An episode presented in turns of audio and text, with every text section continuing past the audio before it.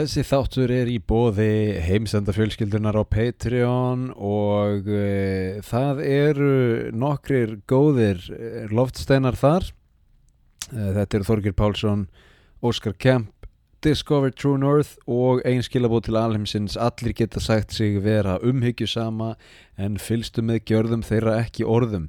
Þetta eru, eru loftsteinarnir.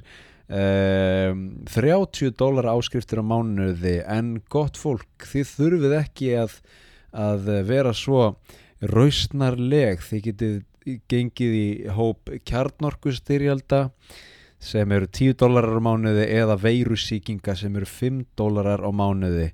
Þannig getur náttúrulega líka að fara lengra og tekið kapitalisman sem eru 100 dólarar en um, ég væri mjög sáttur með allt frá 5 dólarum um, höfum þetta bara stutt. Þetta, þetta er ég held að þetta sé bara ofinn þáttur ókipis fyrir ykkur en uh, bara svo þið vitið þá er þetta í bóði fólksins sem er að styðja mig og þetta hlaðvarp á Patreon. Þannig að ef að ykkur líkar vel þá með endilega koma inn á Patreon. Hér er þáttur dagsins, gjur þið svo vel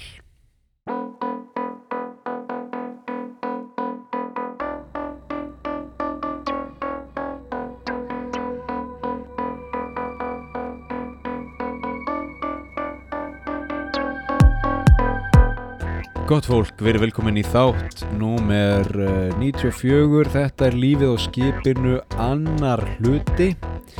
Og uh, ég er á skipi Still on a boat eins og við segjum. Um, Við erum að sigla eins og Nei, við erum að sigla í þessum töluðu orðum frá Busan í Suður Kóru til Nagasaki.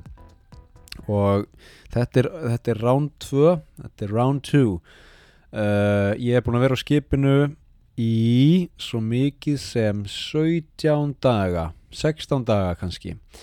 Og á 8 daga eftir held ég eitthvað svona, skiptir ekki alveg öllu máli en ég er, ég er meirinn hálnaður og núna er ég semst að fara öfuga leið. Ég er að fara frá uh, Kanazawa sem er í vestur Japan til Kobe sem er líka í vestur Japan en hinum megin Við erum að tala um, ég er að fara frá Japans hafinu, Sea of Japan, yfir í uh, Seto innhafið, ok, of mikið landafræði.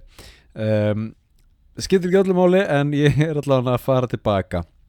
Og þegar ég kem til Kobe þá, klárar, þá klárast þessi veistla hjá mér og ég flýg til Sapporo og uh, held áfram með lífið þar. Uh, tek kannski nokkra daga í smá slökun það, ég held að það sé alveg komin tíma á það. Ég veit ekki hvort þið heyrið það en uh, menn eru þreytir það er ákveðin þreyta hér á bæ og ég ætla að hérna, ég ætla að, að taka nokkar punkta og, og svona segja ykkur frá lífinu um borð og hvernig þetta gengur allt saman fyrir sig um, skoðum þetta. Við skulum bara byrja beint á staðsetningu það er að segja hvernig okkur líður akkurat núna.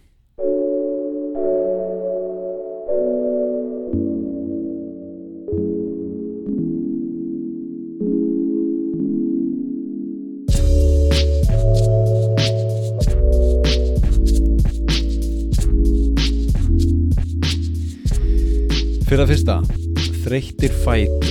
Þetta er punktur sem ég er með. Sko ég er að lappa svona 15.000 skref á dag sem er svo sem ekkit, ekkit marathon þið vitið en, en það er alveg slatti þegar maður tekur það dag eftir dag eftir dag í 25 daga streitt þannig að fæturnir eru orðnir svolítið þreyttir. Ég er búin að fara það er ágætis rækt hérna með borð ágætis líkamsrækt og ég er búin að fara þrísværi ræktina. Og þetta er aðalega efri líka mig sem ég er að taka í, í ræktinu ég er aðalega að uh, ég er aðalega að krulla hérna, handlóðum og í niður tógi og svona uppýmingum og öðru slíku af því að ég bara hefða ekki í mér að æfa fætur eftir svona dag. Við erum að tala um enn og aftur 15.000 skref. Mikið af tröppum. Þessi ferð hérna í Japan hún er svona eiginlega fann að snúast um það hversu mikið er af tröppum. Það er spurning sem kemur á hverjum degi. Herri, við erum að fara í hof. Hversu mikið er af tröppum? Og þetta gengið svo langt að við erum að fara að telja tröppur. Já sko það eru 150 tröppur fyrst. Síðan kemur smá flatt, flattur partur og síðan koma 87 tröppur til viðbútar uh, og þær eru, þær eru hérna, erfiðar á leiðinu upp en þær eru erfiðar á leiðinu niður. Þannig að þið þurfa að hafa þetta í huga. Og auðvitað er þetta bara hluta af, af starfinu að því að veist, það er náttúrulega mikið eldra fólk hérna og, og uh, við viljum ekki að fólk slasi sig og við viljum að fólk komist áliðis og geti séð það sem við erum að sína en uh, stór hluti af starfinu er orðin svona skrefatalning og, og, og þrepatalning. Þannig að, þannig að það eru þreytir fætur og svo er líka bara, þú veist, maður er bara svo þreytur einhvern veginn andlega og ég er hérna með punkt sem ég skýr í performance þreytan mér líður eiginlega eins og ég sé búin að vera að rað sína leikrit einhvern veginn í marga marga daga af því að uh, sko stór hluti af minni vinnu enn og aftur og bara fyrir fólk líka sem er kannski ekki búið að hlusta á fyrir þáttinn þá er ég að vinna hérna á litlu skemmtifærðarskipi þetta er ekki kallað cruise ship þetta er kallað expedition ship sem er svona einhver ævintýra mennska. Uh, ég er að vinna á litlu skipi það eru 120 farþegar og ég vinn sem cultural specialist menningar sérfræðingur sérfræðingur í japanskri menningu. Ég held fyrirlestur um borð og ég held uh, stutt uh, svona á, ágrip ígrip, ágrip, ég veit ekki hvort það kallast uh, stutt sko svona til að súmera daginn. Í dag sáum við þetta og þetta og þetta og það er mikilvægt út af þessu og þessu og þessu. Og bara til að taka dæmi í dag vorum við í Suður Kóru við stukkum yfir frá Japan til Suður Kóru uh, þetta er nætursigling og svo núna erum við að sigla leiðin tilbaka. Þannig að gestirnir eru búin að sjá Japan í nokkra daga og svo fáðu við að sjá Suður Kóru í einn dag. Og ég tók svona ágrip eða svona recap eins og það heitir helt smá ræðu um samskipti Suðukóru og Japans. Aðeins til að gefa fólki smá insýn í þessi tvö lönd og menninguna og samskiptin. Ég tók bara tíu mínútur í að uh, rekja sögu síðustu áratöga og hvernig þessi tvö lönd eru svona í grunninn óvinnir uh, innan geðsalappa þó að það sé náttúrulega mikil viðskipti og, og uh, innflutningur og útflutningur þá eru þessi tvö lönd ekki vinir. Þau eru að reyna að, að uh, grafa stríðsöksina núna en, en þau eru ennþá svona ég spurði gætin minn í dag sem var 32 ára kona ég spurði hanna hvað finnst þér um Japan? og hún sagði já ég fer ekki til Japan. Mér finnst Japan ekki gott land. Nú, okkur Já, nú, nú það síðasta er náttúrulega það að Japan er búið að vera að dæla út í uh, Kirrahafið uh, geislavirkum efnum. Nú uh, Ertu að tala um vatnið sem hérna alþjóða kjarnorku sambandið er búið að rannsæka og út kljá og hérna komast að þeirri niðurstöðu að það sé hæft til uh, drikjar Er það að tala um það vatn? Er það geislavert? Já, það er geislavert Já, ok, ég held að saminu þjóðnar væri búin að, uh, senda um, óhlut uh, hvað sem var óhluttæka þriðja hérna ég er náttúrulega að tala bara ennsku núna uh, bara að senda ykkur að sendi nefnd vísinda manna til að skoða hvort að þetta, þetta vatn sé nú ekki alveg öruglega örugt og þeir vísindamenn sögðu vissulega að það væri örugt. Er það að tala um það vatn? Já, ég er að tala um það vatn. Ok, þannig að sem sagt hún hérna vildi meina að Japan sé að dæla út geislavirku affalli í Kirrahafið og að það hafi rosalega mikil áhrif á Suðu Kóru ég veit ekki alveg hvernig svo landafræði virkar að því að Suður Kórea er náttúrulega hínum einn við bæði Japan og uh, Japans hafið en uh, þetta er svona.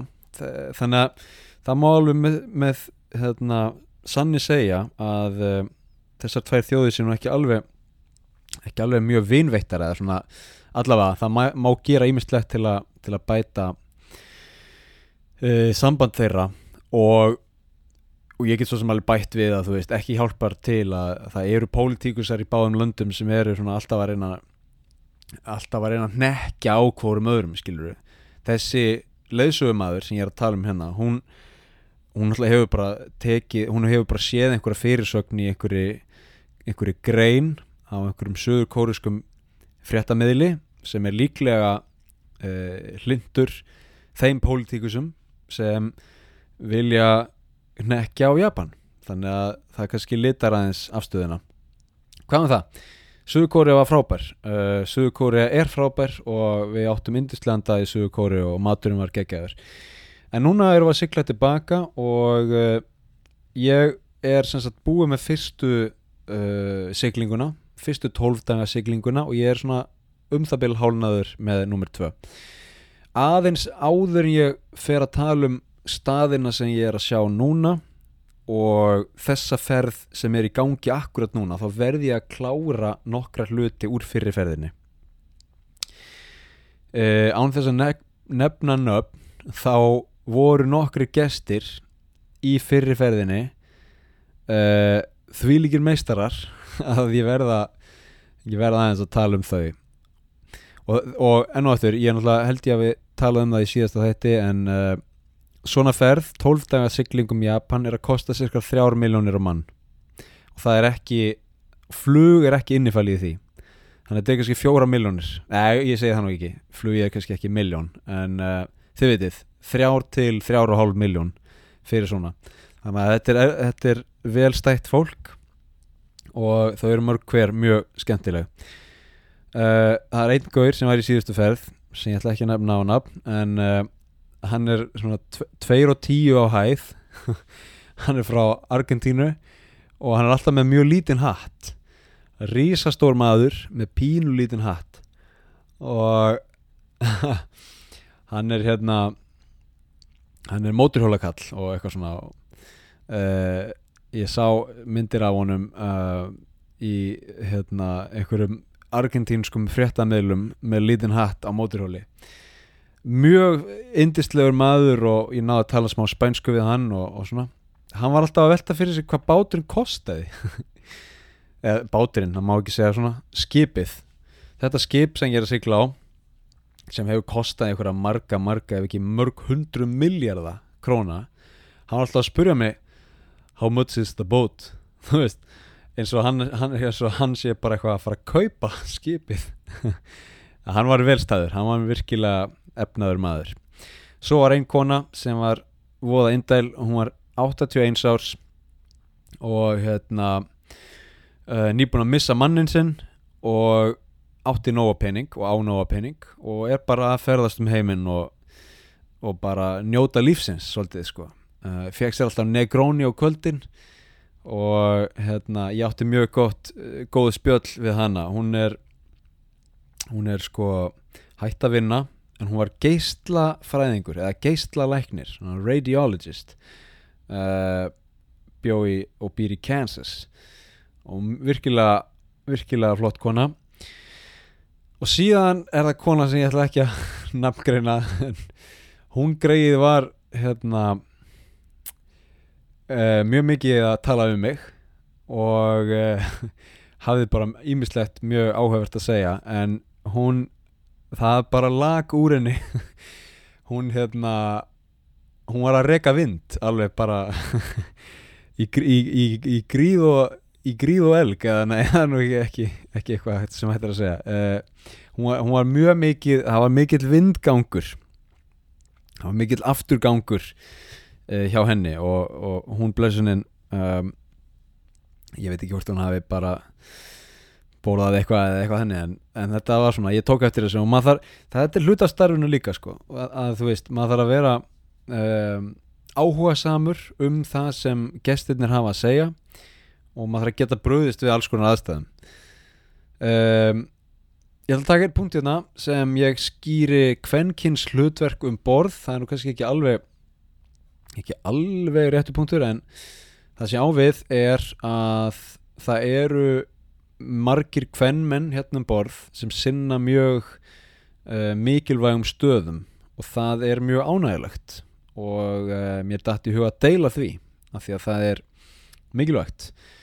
Uh, skipstjórin hún Heidi hún er captain og hún er frá Sverige hún er sænskur skipstjóri hér um borð og stýrir þessu glænýja og glæsilega skipi og hefur gert það í nokkur ár og stýrir því, siglir því hérna um hún sildi því nú síðast uh, yfir Kirrahafið allarið til Japan og hefur silt um söður og norður heimskautin síðan er það Laura hún er uh, skal ég ekki segja hótelstýran hérna eða hótelstjórin og hún, hún stýrir öllu með uh, járnhendi hún er mjög flott og skemmtileg. Hún er frá Argentínu. Og síðan er uh, síðan eru fleiri sko. Uh, safety officer safety officer. Það er svona það er hluti af það er hluti af officerunum og uh, brúar teiminu hún stýrir öryggi, hún er öryggistjóri hérna um borð og er frá Kanada heitir Nicole. Og síðan er hún eitthvað fleiri. Ég manu ekki alveg.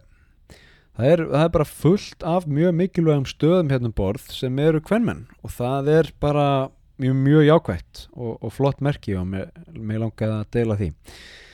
Fyrir mér næsta punkt. Um, áfengi nú versus þá. Sko ég byrjaði að vinna á svona skipum 2017 og 2017, 18 og 19 þá var svolítið vel að fá sér um borð uh, ég tók svo sem alveg þátt í því sko en ég ætla ekki að hérna uh, ég ætla ekki að fela mig á baki það en, en ég, var, ég var alls ekki verstur og þeir sem voru verstir voru alveg alveg hérna svolítið í því sko. Um, það er að segja að íslensku eða það er að segja ferðirnar á, Íslandi ferðirnar í den fyrir bara nokkrum árum þá var sko bæði gestirnir og starfsfólkið e, svolítið að fá sér. Og það, því fylgdi oft eða það fylgdi oft tónleikum, við vorum með tónleika um borð og, og það voru til dæmis sko, árstíðir voru að spila og Snorri Helga var einhvern tímann að spila e, Raka Gröndal hefur verið um borð og e, hérna Ilja, frábært band hefur verið um borð og fleira svona gott stöf uh, og þú veist Ísland um sumar við erum að sigla ykkur staðar um vestfyrðina þú veist og Raka Gröndal er að spila uh, og það er útsinni og það er sólsetur og þú veist og fólk er bara að fá sér skilur við þannig að, þannig að það var mikið, mikið partistand þá.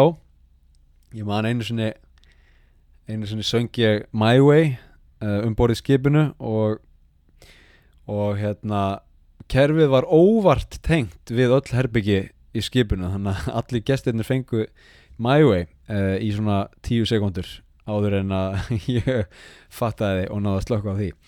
Uh, núna er þetta allt öðru sig núna er sko núna er uh, tveggja drikja max regla um borð í skipunum og það er mjög gott. Það þýðir að það er það eru minni kröfur gerðar á starfsfólk að vera að djúsa með fólki. Af því að þú veist í, sko, þegar fólk kemur í svona ferð sem er rándýr og það er allt innifælið þá er fólk oft að gera vel við sig í mat og drikk starfsfólkið er kannski að taka þrjár þannig ferðir í röð kannski fleiri, við erum að tala um einn mánuð, jável tvo mánuði í röð non-stop. Þú getur ekki verið að drekka eins og fólkið uh, gestirnir sem er í fríi þegar þú ert að vinna. Þannig að þannig að blessunlega er, er búið að hérna, breyta þessu. Og það þýðir að ég get til dæmis bara sleftið að drekka. Og ég get bara verið í sánunum minni í, í góðum, góðum málum. Og þarf ekkert að þú veist, að því að, að því að stór hluti vinnunar er að fara út að borða inn að gesalappa með gestum og spjalla og vera skemmtilegur og vera áhugasamur og spura spurninga. Og oft vilja þau, þú veist fáðu rauðvin, fáðu rauðvin eitthvað svona. Um, en blessunulega hafa búið að breyta þessu þannig að núna getur maður verið bara hel slakur í vatninu og sodavatninu soda with lime það er go to drikkurinn minn.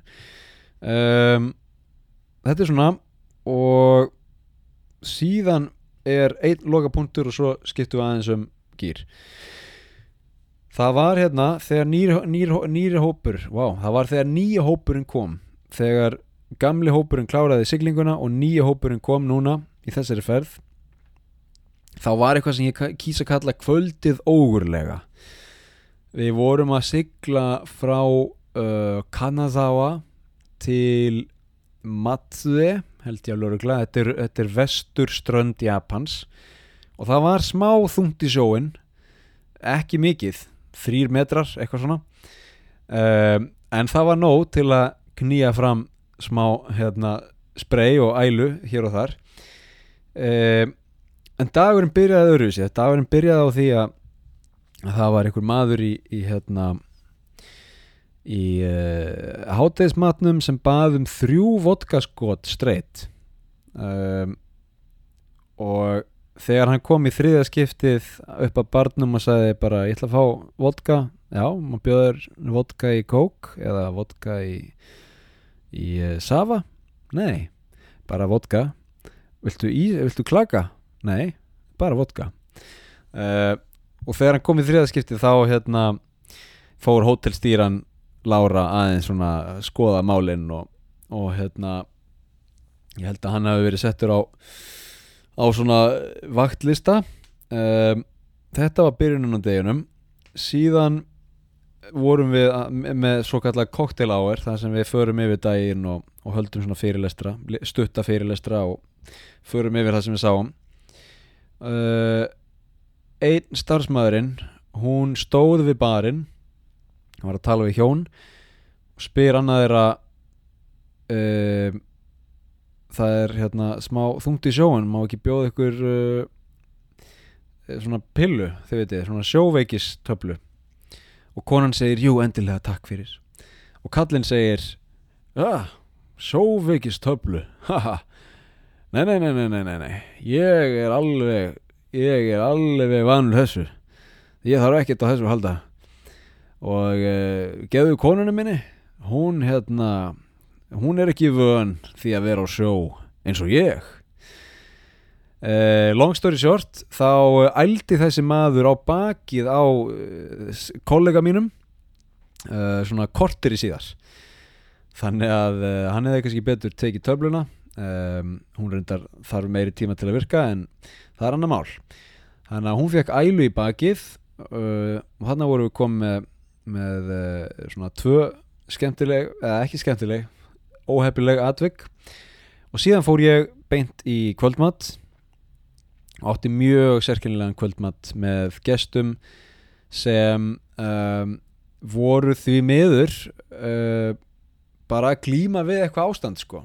Þau hérna ein konan hún var að glíma við eitthvað sem ég held að sé minnisleysi. Og var bara, hún endur tók sig aftur og aftur og aftur og aftur og þetta var líklega eitt svona mest krefjandi uh, kvöld sem ég hef bara átt af því að ég sem svona sem starfsmáru skipinu þarf bara að sitja þarna og reyna einhvern veginn að halda borðinu góðu. Þarna eru við með þrjá mismunandi hópa á sama borðiði og það er kona sem er greinilega veik og hún var að segja hluti sem öðrum við þetta saman borð misbauð. Ein konan stóð upp frá borðinu og fór að því að hún var bara búin að fá nóg. Og ég þarf bara að sitja þarna og reyna einhvern veginn veist, ég, kannski meðvirkni eða eitthvað, ég veit það ekki en reyna að halda öllum góðum og reyna einhvern veginn að, að láta öllum líða vel. Og, og þú veist, hún bara endur tekur sig, endur tekur sig og hún var að tala rosalega illa um fylgið sitt Kaliforníu og þess vegna fór hinn konuna því hún var líka frá Kaliforníu. Og þú veist, þetta er bara svona veist, og ég nefndi hennar rétt á hann fyrir kannski korteri og nefndi ég performance þreytuna og þetta er bara stór hlut af því. Bara ég þarf alltaf að vera brosandi og hress og glaður og, og þau svona skjóta að manni eitthvað svona uh, eitthvað svona you probably don't want to talk to us. Eða eitthvað svona og ég þarf alltaf að segja I, I want to talk to you. Og eitthvað svona uh, you probably have better things to do. Uh, I wanna sit with you longer. Veist, þannig að maður það alltaf að vera svona og, og don't get me wrong svo ég sletti meira veist, þetta er geggjað starf, þetta er ótrúlega góð vinna og ég er að sjá magnaðar hluti hérna en ég ætla að taka nokkra daga í smá kvíld eftir þetta. Herri, ég ætla að leiða ykkur að heyra hvernig venjulegur dagur er um borð.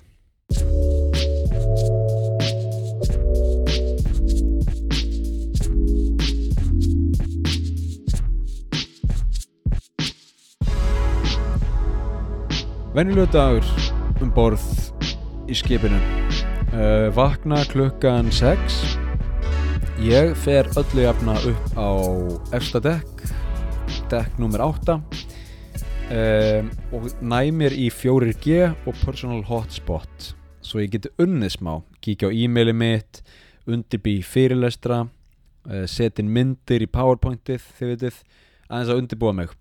Og þetta er gert á áttunda dekki bæði af því að það er frábært útsýni og frýtt kaffi tvöfaldur espresso.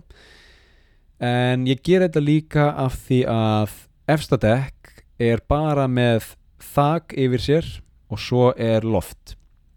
Hvað á ég við með því? Já, núna er ég á þriðja dekki nei, fyrirgefið, fjólaða dekki og það eru fimm hæðir af stáli og öðrum málmum yfir mér og í kringum mig sem þýðir að 4G kemst ekki hingað. Ég næ engu sambandi stundum get ég sett síman minn alveg uppi glerið í kýrauganum mínu sem er gluggi í káetinni og þá get ég svona náð kannski einhverjum smá einhverjum svona 3G eða eitthvað.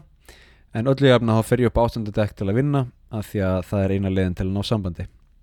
Sama, sama á við um síma samband um borð. Um, síðan er fundur klukkan kortir yfir sjö og við borðum morgumat saman, það er hlaðborð borðum morgumat og fundum allt starfsteimið uh, þetta er dagurinn hann, ver, hann byrjar svona og þú ert að gera þetta og þú ert að gera hitt. Er einhverja spurningar? Og þetta er svona kortirs fundur. Og síðan er bara beintin og herbyggi gera sér til og vera mættur út á bryggju kannski 7.45 og uh, þú ert öllu jafna að sjá um annarkvort uh, rútuna. Það er náttúrulega er local guide og bílstjóri en þú ert að sjá um að telja inn í rútuna sjá um að allir séu góðir. Nú er náttúrulega heitt í Japan þannig að við erum með vatn, fylla á fyrir alla. Og uh, síðan ef að gætin er virkilega góður þá þarf ekki að gera neitt. Ef að gætin er virkilega lélögur þá þarf þú ofta að taka í mækin og bara gæta uh, bara útskýra þannig að Wikipedia is your friend there. Um, síðan erum við oftast að koma tilbaka við, sérst, já, við förum í hálfan dag förum eitthvað kannski milli 8 og 12 komum tilbaka klokkan 12 fáum okkur hátegismat oftast um borð í skipinu förum svo aftur út bara 90 minnur síðar 1, hálf 2 kannski og komum aftur um 5 leitið þannig að þetta er svona 8 til 5 og þá byrja ballið. Klukkan 5 er vinnan ekki búin klukkan 5 er vinnan eiginlega bara rétt að byrja. Af því að þá komum við tilbaka undirbúum uh, kynningu dagsins sem er kynning á því sem var að eiga sér stað og uh, það er oftast já og ef að það er lung, langur fyrirlestur þú veist, ef ég er með 30-40 minna fyrirlestur þá er það oftast milli 5 og 6 eða hálf 6 og hálf 7 þú veist, þannig að maður er búin að vera að vinna kannski í nýju klukktíma kemur tilbaka á skipið heldur fyrirlestur og á síðan kannski 3-4 tíma eftir, eftir það. Eins og ég segi, þetta eru 12 tíma dagar. Um, en öllu afna ef ég er ekki með fyrirlestur þá er ég bara undibúa uh, svona kvöldið og svo klukkan svona 6, hálf 7 þá er það sem við kallum cocktail hour og þá er gert ráð fyrir því að maður fari upp í lounge og setjast niður með fólki og spjalli Hello Susan, how was your day? Uh, it was great, thank you. Oh, that's marvelous. Um, which, which did you like more, the temple or the shrine? Oh, I like the shrine. Eitthvað svona. Og hérna, þetta er bara mjög skemmtilegt og þetta er ágæðis tími til að kynnast fólki og, og svona, fá að heyra mismunandi sögur síðan er þetta recap þá segjum við frá deginum og síðan er uh, matur matur er oftast klukkan 7.30 stundum klukkan 8 og það sem ég finnst eiginlega erfiðast við þessa vinnu er að borða hátægismat klukkan 12 og borða svo kvöldmat klukkan 8 ég borða vanalega á þryggjatíma fresti lámark þryggjatíma fresti. En að býði 8 tíma eftir kvöldmat það er uh, áskorun. Og ef maður borðar kvöldmann klokkan 8 þá er maður búinn klokkan hálf 10 og auðvitað gæti maður að fara að sofa beint eftir kvöldmatt en ég geði það ekki. Ég fer í sánu og það er svona það er my time, það er tímið þar sem ég þarf ekki að tala. Það er tímið þar sem ég get bara svitnað og slagað á. Og ég sef eins og unga barn eftir það. Þannig ég fer að sofa kannski 10.30 stundum 11 reyna að lesa þessi bókinu minni lesa þessi í Yuki og Mishima. Áðurinn fyrir að sofa og svo er það bara að vakna eftir klukkan 6, rinse and repeat. Gera þetta í 25 dagar straight takk fyrir. Og það er uh, líf mitt um borð í skipinu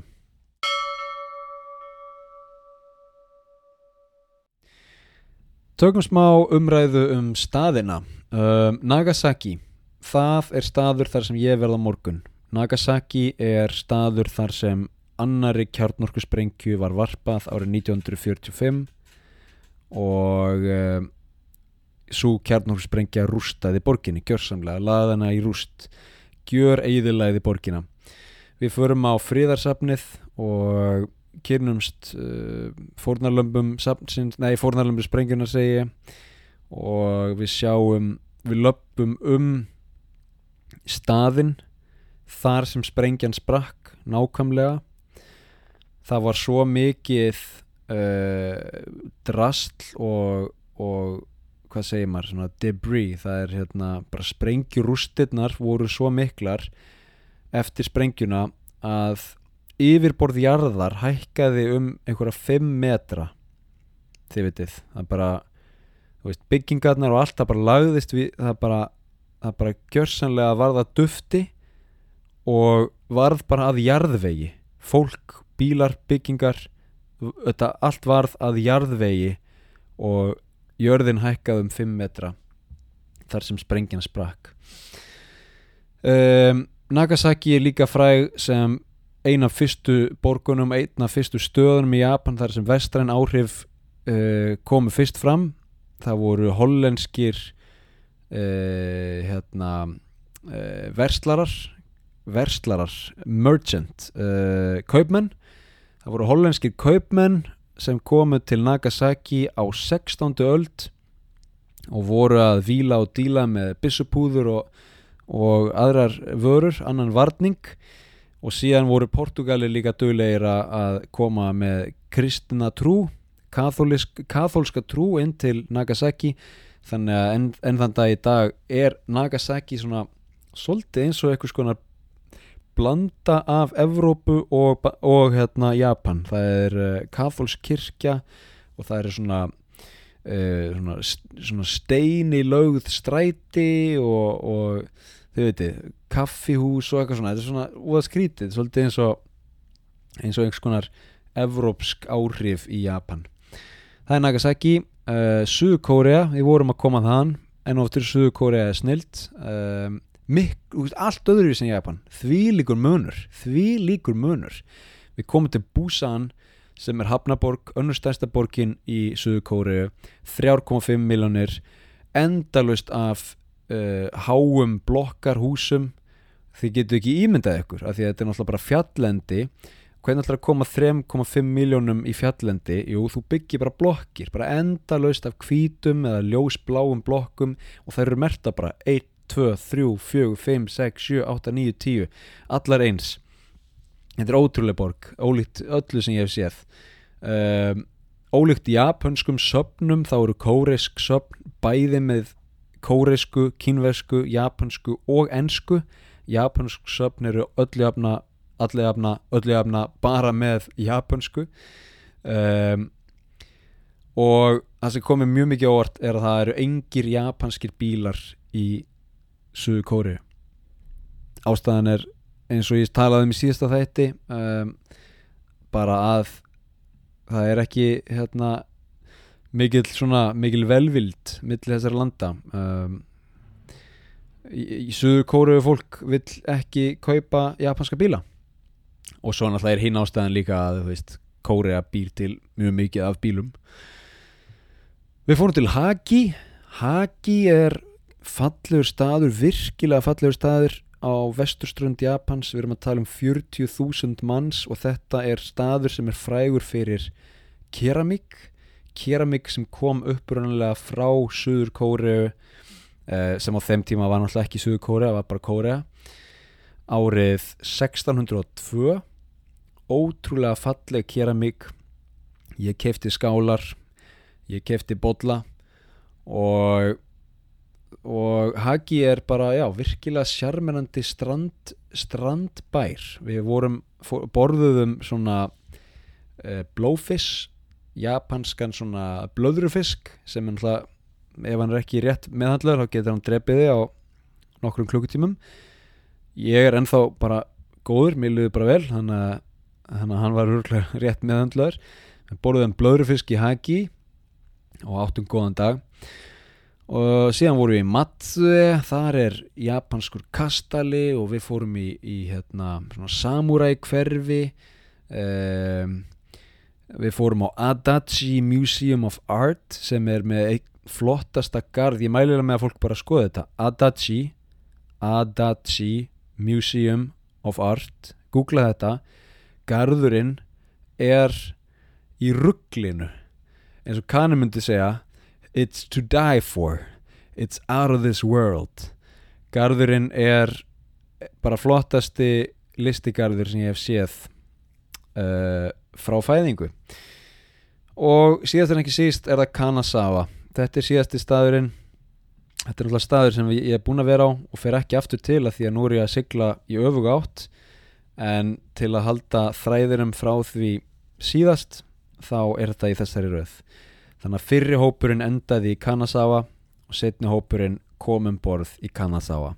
Kanazawa er aðeins lengra upp vesturströnd Japans, staður sem fær talsvert af snjó á veturna og er bara virkilega fallegu staður.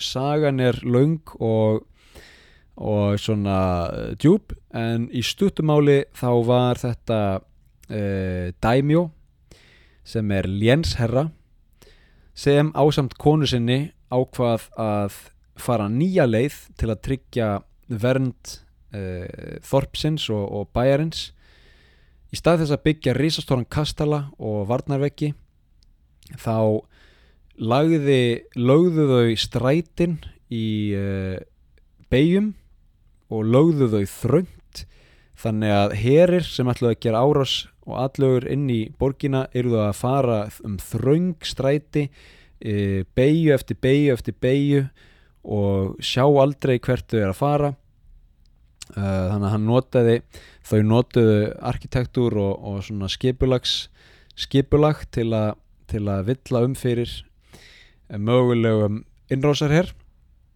og uh, síðan var Kanazawa líka þekkt fyrir og er þekkt fyrir handverk uh, og þessi hjón sönguðu að sér listafólki allstaðar að og töldu að það myndi gera borgina líka betur varða hver vill ráðast á borg þar sem er þar sem eru bestu keramikarar landsins og, og uh, þar sem er hérna, besta besta gulllauf landsins? Þau eru þekkt fyrir að gera svona gold leaf að taka gull, pressa það niður í ör þunnar filmur.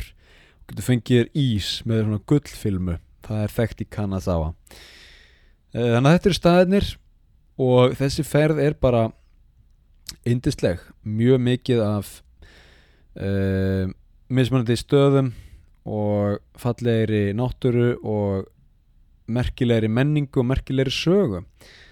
Þannig að ef þú átt þrjár miljonir lying around einhvers staðar í skúfunni þá getur getur komið hérna til Japan og, og skoða þetta. Þetta er náttúrulega algjör lúksusferð en virkilega skemmtilega Herði, uh, ég er að sopna og þið eru örgulega að sopna líka. En ég áttir að fara í sánuna. Ég ætla að taka nokkra stutta bara svona burst action punta og svo segjum við þetta gott.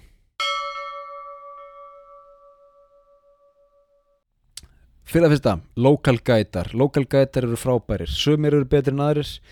Það er bara þannig.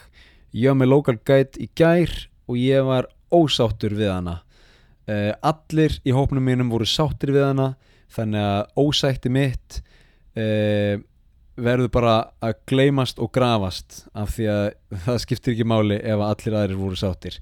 En ég var, ég var ósáttur af því að hún stal af mér fullkomnu tækifæri fyrir brandara. Uh, hún var að segja við vorum fyrir framann bútist hof og hún var að segja og þetta var semst um morgun, gær morgun við vorum, stóðum fyrir framann bútist hof til hópur af Ameríkonum og hún var að segja það er mjög mikilvægt þegar við heimsækjum hof frá uh, búta að við séum með hreinan huga og hreint hjarta og enn fremur að við séum ekki undir áhrifum áfengis. Það er mjög það talir mikið óheilla merki að vera undir áhrifum á, á, á, áfengis og við erum ekki hrein að innan ef við erum undir áhrifum áfengis.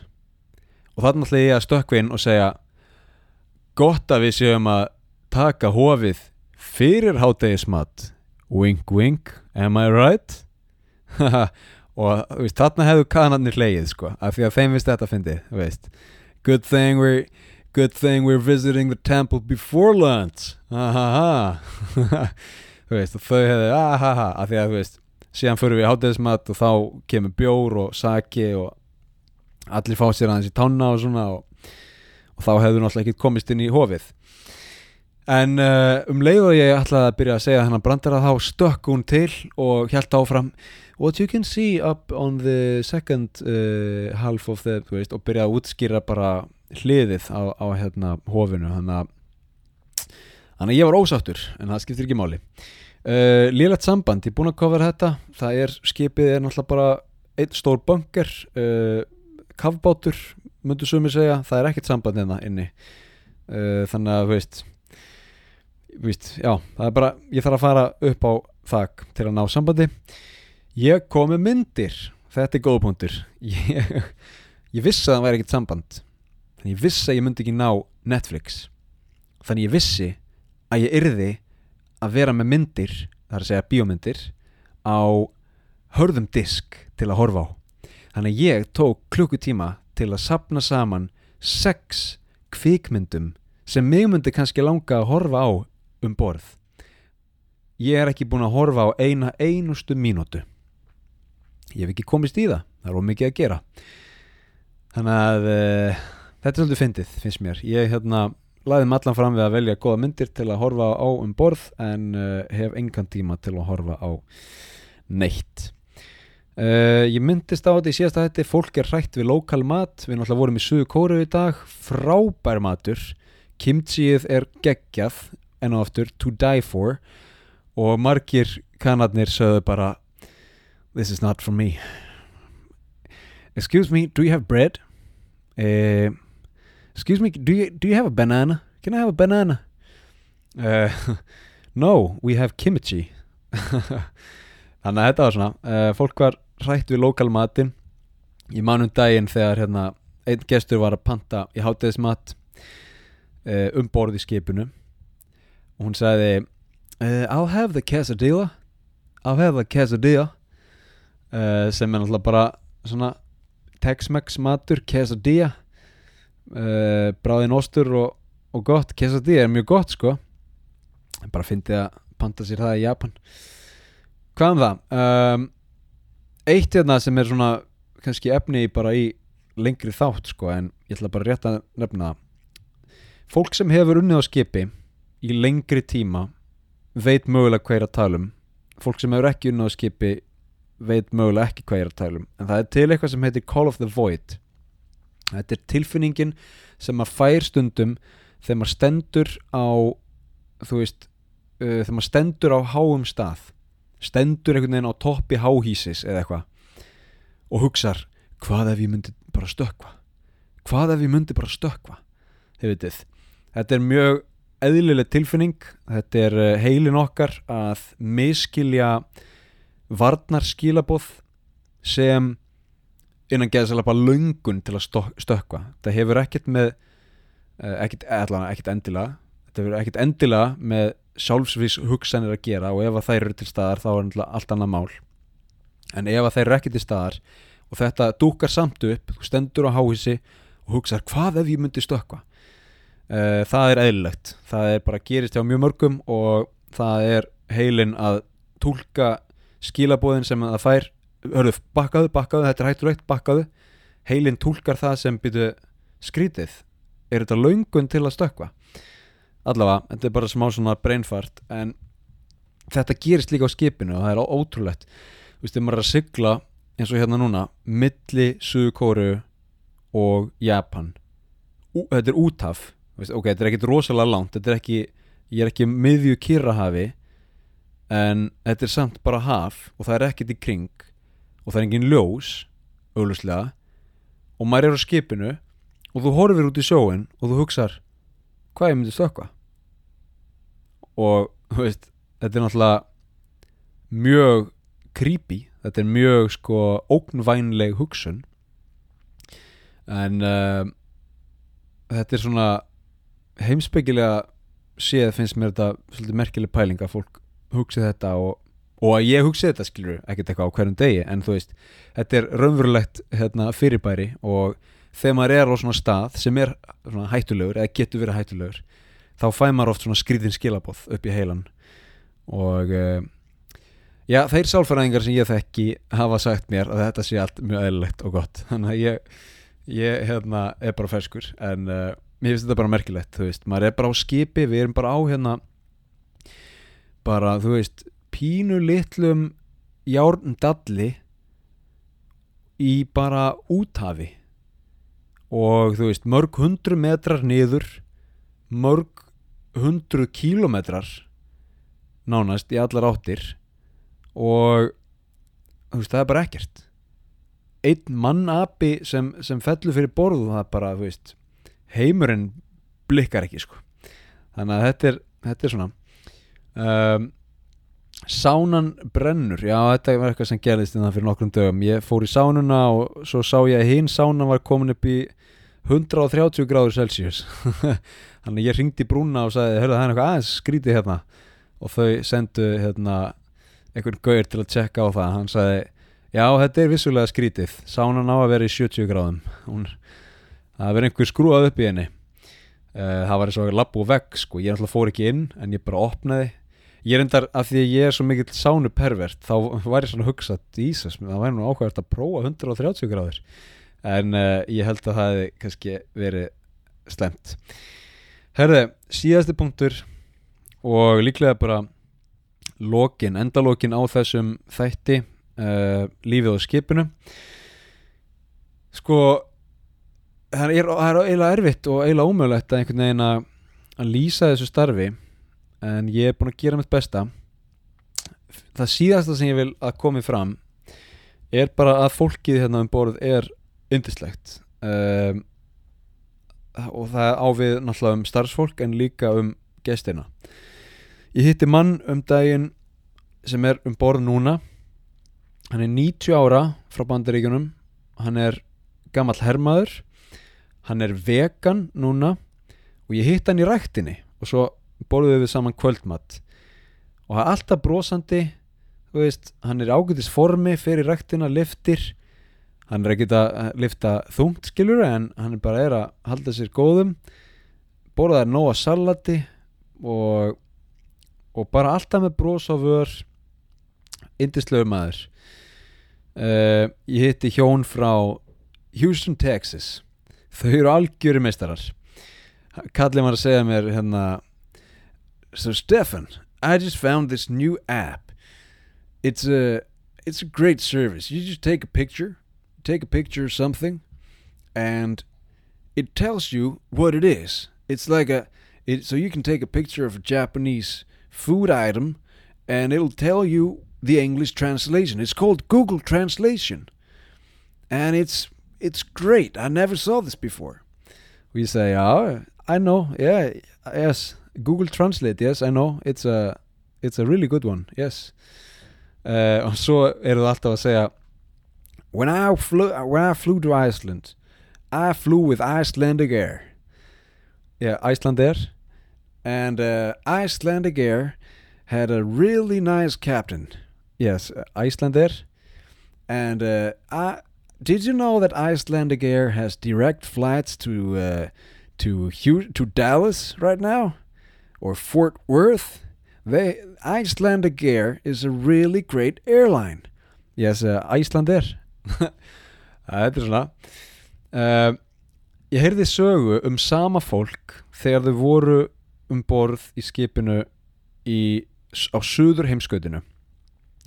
Það var fiskibátur sem strandaði í Ísnum það var úkrænskur uh, sjómaður um borð sem var slasaður hann hafði mist þrjá putta. Þetta skip er ísbrjótur fyrsta klassa og þetta skip uh, fór og sótti þennan mann úkrænska fiskimannin eða fiskimannin, uh, sjómannin með hérna slösuðu hendina tók um borð og svona gerði hérna, ekki gerði á hann heldur batum hann og hann fór svo með skipinu í næstu höfn komst á sjúkrahús og hann náttúrulega er einhverju eitthvað öryrki núna því að hann er að vantar á hann þrjá pöta þannig að skipið hóf söpnun til, til styrtar þessa sjómanns. Og þessi hjón frá Houston, Texas gæinn hann kom bara og sagði $20,000 það eru þrjár miljonir og hann kom bara og gaf þessum sjómanni þrjár miljonir bara, þú veist on the spot. Þannig að þetta er hérna indislegt fólk og, og velstætt fólk. Og ég var að, ég átti kvöldmatt með þeim í gær. Ótrúlega fyndið, hann var að segja mér sögur frá því þegar hann var að veiða stangveiði í Mongóliu og hérna uh, rúsnest fyrirtæki sem var operataða og þau voru með þyrlur þú veist, þyrlur að sækja þau á hótelið, fljúaðum eitthvað til að veiða í einhverjum ám, inn í skógi allt á þyrlu, skiluru og hérna bara frábæra sögur. Og svo sá ég konun hans og hérna afsakið. Sá konun hans og ég var búin að borða með þeim svona klukktíma. Og fattaði ég að hún var alveg á kafi í demöntum. Hún var með demönta á, á puttunum og, og hérna um hálsin og í eironum og þá svona já, já, já nú megar það sens. En ennáttur þetta er indislegt fólk það eru frábærar týpur inn um borð. Ég var að klára kvöldmatt fyrir svona klukkutíma með áströlum. Þau voru ótrúlega fyndin og skemmtileg.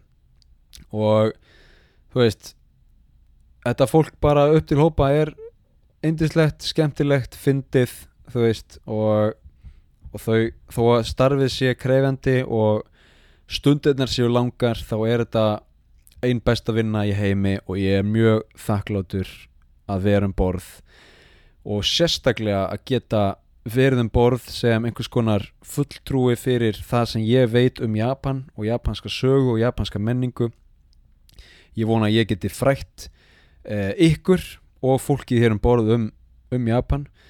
Og eh, mér finnst það bara virkilega gott tækifæri og, og ég er mjög þakklútið fyrir það. Eh, þetta fara að hljóma eins og uh, Óskars verðlun að ræða og það er mitt kjú til að hætta. Þannig að ég þakka ykkur fyrir áhyrnina vonaði hafi haft gaman að þetta er svona, þetta er smá það er smá hérna súpa og kaos að reyna að koma þessu öllu í orð en ég vona að þið hafi haft gaman af því að fá smá innlitt í líf mitt hérna á skipinu.